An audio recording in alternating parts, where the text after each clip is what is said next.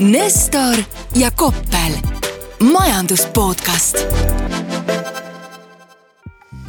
tere õhtust, head Rahvusringhäälingu portaali jälgijad. iga päevaga üha rohkem ka siinsamas selle portaali keskkonnas on uudiseid sellest, mismoodi on olukord Eesti majanduses muutunud ärevamaks ja juba mõne hetke pärast, poole tunni pärast täpsemalt, algab Eesti Televisioonis otsesaade UV Faktor pealkirjaga Pidu läbi, majanduskriis kogub hoogu. aga enne veel, kui me selle saate juurde läheme, siis siin ja praegu, head sõbrad, on teil võimalik võimalik osa saada Eesti populaarseima podcasti äh, Nestor ja Koppel salvestusest, vestlus, mis peaks siis avama kogu seda konteksti, kuhu me tänases äh, majandusolukorras liikunud oleme. Ja see aitab jälgida teil ka seda saadet, mis siis poole tunni pärast Eesti Televisiooni eetrisse jõuab, aga nüüd head äh, külalised või head äh, nii-öelda podcast'i tegijad. Äh, Nestor ja Koppel, teile, teile sõna. ja suur tänu, et no kõigepealt muidugi on väga suur rõõm teha podcast'i siin Eesti maksumaksja toel ERR-i soojas toas, et minu kuudis Tornimäel on oluliselt jahedam ja no tavapärase kolmekümne minuti asemel saame kahekümne seekord hakkama. aga tänase asja nagu mõte peakski olema, et siis meiesugused kaks soolapuhujat siin annavad konteksti sellele, et mis hakkab toimuma siin kolmekümne minuti pärast. ehk siis, mis on täna nagu majanduses toimumas. meie siin ajame mingi mulli kokku ja edukad ettevõtjad siis ütlevad, kuidas see neid kõike mõjutab. ja tavaliselt me räägime Koppeliga kahekesti, täna kahjuks pandi Urmasele ka mikrofon külge, aga ta lubas ennast talitseda ja ta entusiastlikult häälitseb ja vahel võib-olla küsib midagi vahele aga kõigepealt siis suur uudis, ma arvan, et Peeter, sina ka ei tea, et meil tuli täna välja värske majandusprognoos mis sa pakud, mis ma ennustan Eesti majanduskasvuks või languseks järgmisel aastal? ma arvan, et esiteks sa ennustad langust ja teiseks ma arvan, et see langus võib olla rohkem kui kaks protsenti. oi, valesti, valesti, valesti, valesti. majandus kasvab siiski, ta kasvab siiski. null koma seitse. null koma kolm täpselt komakohaga aga miks sa nagu niisugust selline dramaatiliselt sellist suurt langust pakkusid? Selles mõttes, et ma ei pea kusjuures sellises kontekstis, kus inflatsioon on kõrge, kaheprotsendilist langust eriti dramaatiliseks. aga kui ma nüüd vaatan seda, et me liigume globaalse surutise poole ja kui ma vaatan nüüd seda, et kus kohas nagu Saksamaa omadega on, kus on Saksamaa ostujuhtide indeksid, kus on Saksamaa selline meelestatus, siis no mul ei ole kuidagi sellist tunnet, et me nüüd saaksime mingisuguse plussiga numbri, kas või null koma, null koma kolme, aga see on tunne, sinul on prognoos, minul on tunne nojah, ütleme strateeg saab endale lubada sellist nagu suuremat pessimismi võib-olla kui selline majandusanalüütik, et noh, kes see nüüd on nii julge mees, et kirjutab sinna miinus kaks protsenti, aga ja päris paljudele riikidele seda on ju kirjutatud. juba ka nüüd praegu on majanduslangust järgmiseks aastaks siin Rootsi näiteks äh, muuhulgas.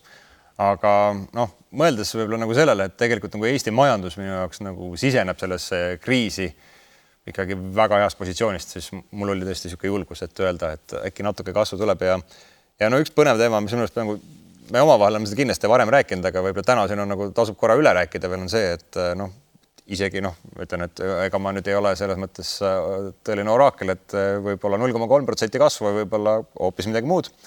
aga milles ma olen nagu selles mõttes veendunud, et need tavalised eurod on ju, milles meie mõõdame oma nagu palkasid ja ettevõtete käibeid et selles tegelikult see majanduskasv on nagu väga kiire, ehk siis see nominaalne majanduskasv ja noh, see reaalne majanduskasv, reaalne skp muutus, eks see ongi niisugune nagu analüütikute esoteerika natuke.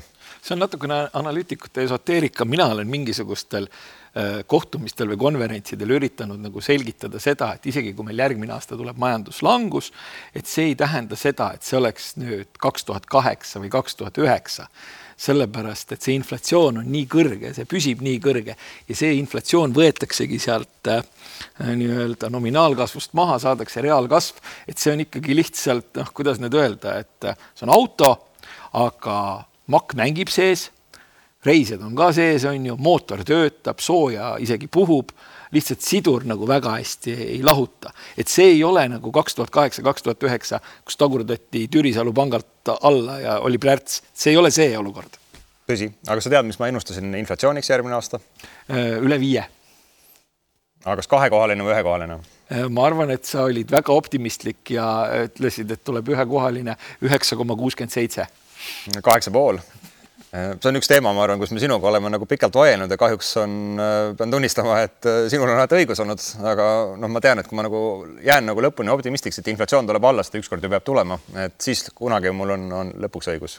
kunagi sul on ilmselt lõpus õigus, lõpus õigus küll, aga vot inflatsiooniga on see lugu, et mina vaatasin ajalukku ja siis ma nägin suhteliselt äh, suurt portsu selliseid asju, mis mulle absoluutselt ei meeldinud. ma nägin seda, et et äh, üldiselt peaks olema äh, keskpanga suunav intressimäär tarbijahinnaindeksist kõrgem vähemalt kolm kvartalit, nii. siis saab inflatsiooni kontrolli alla. teine asi, kui inflatsioon läheb üle viie, noh, ütleme suures päris majandustes, noh näiteks euroalal, Ühendriikides, siis võib minna kaheni tagasisaamiseks kuni kümme aastat.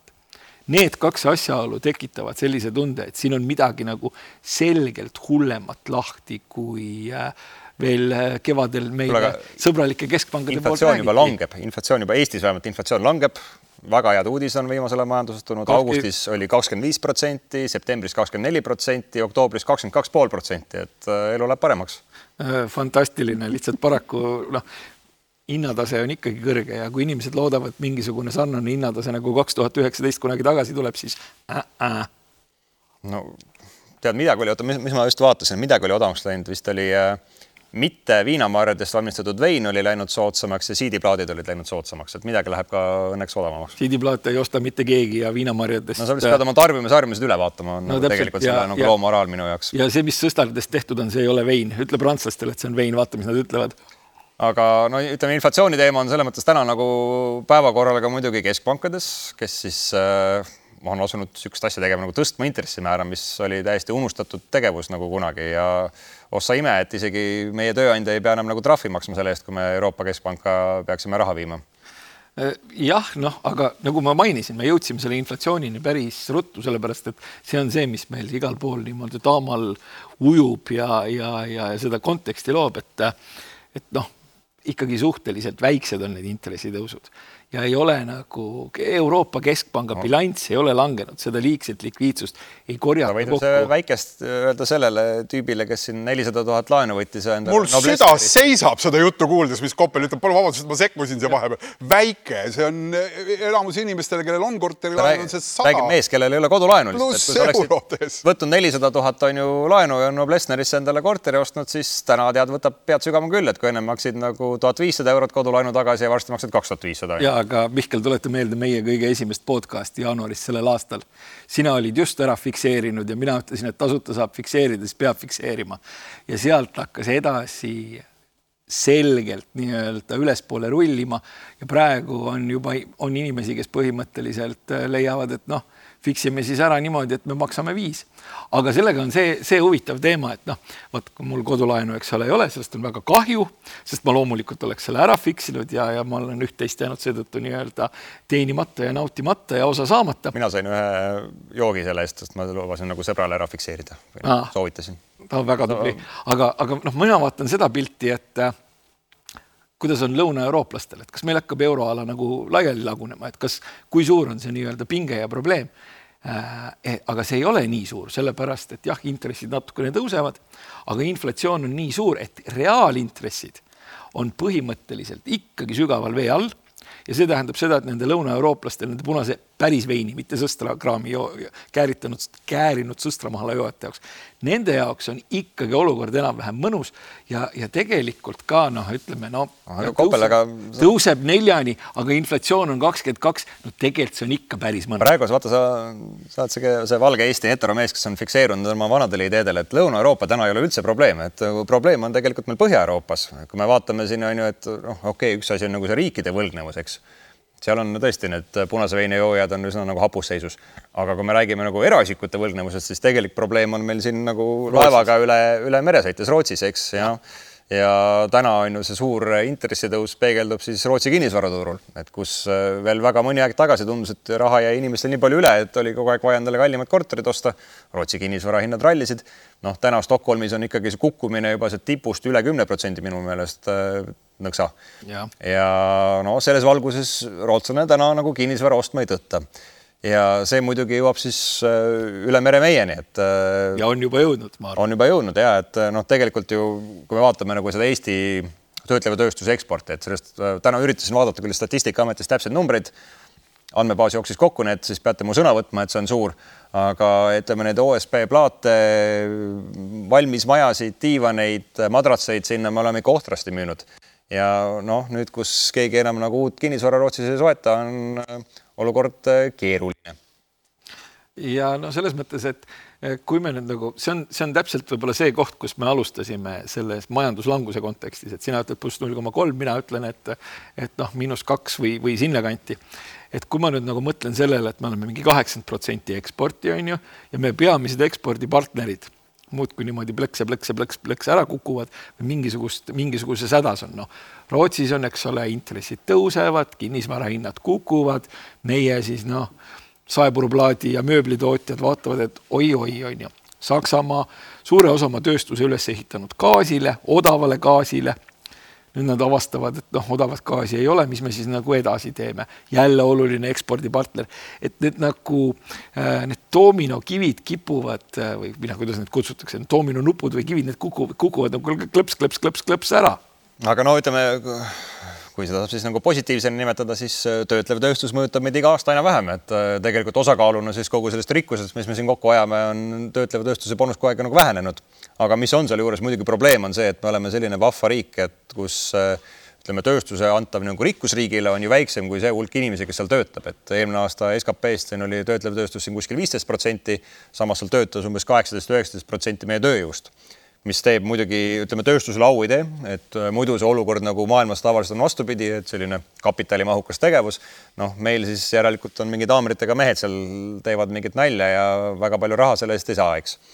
Ja, ja noh, seetõttu ma olen ka nagu öelnud, et noh, siin on võib-olla sel nädalal eriti nagu räägitud väga nagu dramaatiliste pealkirjadega, et oi-oi-oi, et kuidas meie Eesti tööstus nüüd kaotab konkurentsivõime ja kõik on väga halvasti. noh ma ütlen, et muidugi kehva lugu, et see juhtub nagu sellise majanduse pigem nagu madalseisu või languse ajal, et siin hakkavad need töökohad kaduma. aga noh, see oleks juhtunud niikuinii, et äh, lihtsalt äh, paratamatult, et kui kui suudeta seal midagi väga keerulist ja kallist välja mõelda, siis need töökohad oleksid kadunud niikuinii. vot äh, siin ma tahan selles mõttes mitte sinuga vaielda, aga ma tahan äh, nagu norida sellise üldise mentaliteedi kallal, kus öeldakse, et noh, et see ongi madal li lisaväärtus ja see business, business, mida nad ajavad, et see ongi nagu äh, loll ja igav ja mõttetu ja vana, on ju.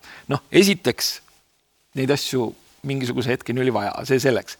aga siin on juhtunud sellised huvitavad asjad, selline huvitav asi, et noh teatavasti meie, meil on üks suur naaber, eks ole, kus on. Läti. no Venemaa, kus, eks ole, on tuumanupuga bensiinijaama direktor, kes on kogu aeg hull olnud, aga nüüd on eriti hull. nii, seetõttu kaks toorainet, metall ja korralikult külmas kasvanud puit ei saa enam. nii, sellise riski vastu enda maandamine no võib-olla oleks enam-vähem no,. ma jälle segan seda, et ma ütlen, ma küll no. Statistikaameti andmebaas jooksis kokku, aga, aga nii palju, kui ma mäletan, siis tegelikult nagu seesama puidu ja metalli nagu import, kusjuures Eestisse ei olnud nagu väga palju kukkunud suvel vähemalt veel. no veel suvel ei olnud, aga selles mõttes, et sul põhimõtteliselt ikkagi nagu korralik tarnija ühel hetkel kaob ära. ja siis teine asi, mis on see, mis on siis nii-öelda selgelt äh, problemaatiline, on loomulikult energia. sellepärast, et kui sul nagu esiteks kukuvad materjalid ära ja siis sul energia mitmekordistub, siis see on midagi sellist, mille vastu sa ennast väga hästi kaitsta ei saa. sa saad kaitsta ennast igasuguste asjade vastu, sa saad, sa saad aru, et okei okay,, käive võib kolmkümmend protsenti langeda, kõik, kõik, kõik, kõik, aga asjade mitmekordistumine on selline asi, millega sa ise toime ei tule. nii, ja kui sa siis nüüd vaatad seda et kes on selle põhjustanud või mis on selle nii-öelda põhjus, et see energia nii kallis on. valitsus, valitsus. siis sa ühel hetkel võib-olla tõesti jõuad selleni, et selle on nii-öelda energia, et see on energiapoliitika probleem ja täpselt samamoodi nagu siis võib-olla siin pandeemia ajal, kui valitsus keerab kinni, siis tagugu kinni, tekib täpselt samasugune mentaliteet äh, kas ma ütlen, et see on õige, noh, see on küsitav, aga ma saan sellest selles kontekstis aru äh, ja teine asi, mis on problemaatiline, on see, et kui me vaatame ümberringi riike, siis ümberringi riikides toimub selline noh, kuidas ma nüüd ütlen, äh, selline äh, plaanimajanduslik festival. meie siin ikkagi üritame nagu enam-vähem nagu turumajanduslikud olla ja see selgelt nagu lühikeses perspektiivis meie konkurentsivõime kukutab kuhugi mutta. no muidugi vaidlen sinuga selles osas vastu, et äh, siin leedukad panin terve suvi niimoodi digimullu otsa ees neid samu nagu mööblijuppe toota ja selle all ei olnud mingit energiatoetust veel neile, et läks nagu päris hästi. aga enne kui sa nagu väga pikka ja. nagu monoloogi laskud, et nagu kuna meil aega palju ei ole, et noh, kataks selle tööturu teema ära, et noh, kui hulluks siin nagu minna saab et äh, ise, kui ma täna vaatan, et mis siis äh, meil on selline tark äh, asutus nagu Konjunktuuriinstituut, kes siis iga kuu küsib armsate tööandjate käest, et no lasete inimesed lahti või ei lase, eks, siis nende indeksite põhjal täna nagu noh, selgelt muidugi see trend on allapoole olnud. ainus sektor, kus veel on nagu rohkem ettevõtteid, kes siis soovivad värvata, kui neid, kes soovivad need nagu arvu vähendada, on vist teenindussektor aga teisalt on ka, ütleme teise poole pealt nagu töötlev tööstus on ainus, kus on niisugune nagu suurem masendus, et noh, teised on kõik on seal kuskil nulli piirimail ja ma ütlen, niisugust nagu laiapõhjalist probleemi mina nagu täna nagu Eesti tööturul ei näe. ja noh, tuleb mõelda, et see majandus on palju suurem kui tööstus, et äh, täpselt meil on see teenindussektor siin nii palju kasvanud, infosidesektor juba kümme protsenti on ju Eesti kogu majandusest, et tegelikkuses äh, me oleme täna väga palju paremas seisus, kui me siin kõikide eelmiste kriiside ajal oleme olnud. ja sellega ma olen täiesti nõus, lihtsalt äh, milles on äh, trikk, trikk on selles, et äh, see nii-öelda võib-olla veits madalam lisaväärtus ja see töö, töötlev tööstus, et see kukub ära ja see on mõnda aega suhteliselt valus, aga kohe kõik startup'id tulevad, nopivad ja. need inimesed ära. vot startup idega on selline lugu, et kui sa vaatad seda, mis praegu nagu tehnoloogiasektoris ja kiirelt kasvavates sektorites toimub, siis nad ikkagi lasevad ka kümnete protsentide kaupa nagu inimesi lahti, sellepärast et. see on Elon Musk lihtsalt. Eh, juhuslikult on selgunud, et kui rahale tekib hind, et siis on nagu natukene raskem. ja ma tean seda teooriat teha, et nüüd, kui on, ma saan nagu pangahoiusest üks protsenti, et siis ma enam nagu riskiinvesteeringuid ei tee, aga mulle see ei meeldi, see teooria, see ei ei kõla. ei no vaata, sellega on ikkagi see lugu, et kui USA kümneaastane ületab viis protsenti, siis hästi palju raha rahuneb maha ja läheb sinna ja ei taha igasugustele, noh, mina ei tea, äh, jalgratturiga brokoli kohale toomise startup idele nagu raha anda aga no mina usun, et ütleme, siin Eesti nagu IT-maastikul ikkagi raha nagu otsa ei saa selles mõttes, et äh, tõenäoliselt see nagu kasv jätkub ja noh, suures plaanis mulle ka tundub, et ja et tõepoolest, et muidugi noh, ma ei taha siin nagu mingi optimist olla, et äh, kõik on nagu luiste lillepidu, mis siin nagu järgneva aasta jooksul nagu tulemas on. aga noh, suures plaanis ma ütlen, et nagu paanikaks äh, ka vast nagu põhjust ei ole ja, ja tundub, et sa ei leia ka seda põhja, kus endale see kalamaja korter soetada tõepoolest ja mul ei olegi eriti suurt soovi kalamajas enam korterit soetada, sellepärast et kui sealt autoga välja saab, siis sisse enam õhtul ei saa. sa pead jälle oma harjumused lihtsalt üle vaatama aga no ütleme jah, võib-olla siin nagu see kinnisvaraturu nagu teema korraks nagu üles tuli, et no eks see on ka nagu varahindadega seotud, et äh, noh, kuidas sinu tunnetus siis täna on, et näeme Rootsi stsenaariumit või? ei no selles mõttes Rootsis see kümme protsenti, see on äh, tühi-tähi, aga mina olen aru saanud kinnisvaraonude juttudest, et turg seisab ehk siis tehinguid on hästi palju vähe, keegi hinda veel eriti ei ole langetanud ja mul on selline probleem, et mina olen aktsiatega tegelenud üheksakümne kaheksanda aasta veebruarist peale ja see ei ole hea olukord, kui turg liigub külgsuunas ja erilist likviidsust ei ole, sellepärast et ühel või teisel hetkel ta lihtsalt murrab välja. Ja kuhu tavaliselt kinnisvaraturg murrab, kui raha kallimaks läheb, mitte üles no äkki läheb kõik varsti paremaks, et noh, ma mõtlen lihtsalt sellele, et ma, ma ei ole küll näinud ühegi kinnisvaraarendaja nagu kontoseisu, aga noh, ise väidavad nad, et pole hullu nagu sellega, et äh, istutakse oodatakse ja külgtuul puhub ja lõpuks läheb, tuleb jälle taganttuul ja võib nagu edasi minna. Äh, mina mäletan ühte Eesti investeerimispankurit, kes ütles septembris äh, kaks tuhat kaheksa, et globaalne finantskriis võib Eestist mööda ka minna. ja siis ma mäletan kahe tuhande üheksanda aasta varakevadet, kus tänaval tuled ka ei põlenud ja no tänavu tulede põlemisega on tegelikult praegu juba kehva lugu, sest et nii mõneski kohas on need nagu välja lülitatud, aga eks see energia hind, vaatasin, gaasi hind oli vist päris okei okay veel, et äh, äkki pannakse uuesti põlema tagasi. võib-olla pannakse põlema tagasi, aga noh, gaasi hinnaga võib hapuks minna siis, kui külmem on. ja aga no ühesõnaga ma saan aru, et me selle nagu vestluse käigus oleme jõudnud siis ikka järeldusele, et ma, mina pean jälle võtma selle natuke optimistlikuma positsiooni kui, kui sina ja, ja siis lootma, et ühel päeval on minul õigus. ja, ja minul ei ole selles mõttes äh,, mina ei pea näiteks miinus kahte või natuke rohkemat ka mingisuguseks väga negatiivseks stsenaariumiks. ma ikkagi mäletan äh, päris majanduslanguseid ka. ega seal pangatornist lihtrahva kannatused sinule korda ei lähe. Forst on minu jaoks ka kallimaks läinud aga oleme vist oma tänase meile eraldatud eetriaja täis rääkinud, et äh, oli väga tore, et äh, sai jälle need kontorist välja tulla ja lihtsamini töö tehtud. aitäh ja kõike paremat. aitäh, suur tänu. Nestor ja Koppel, majandus podcast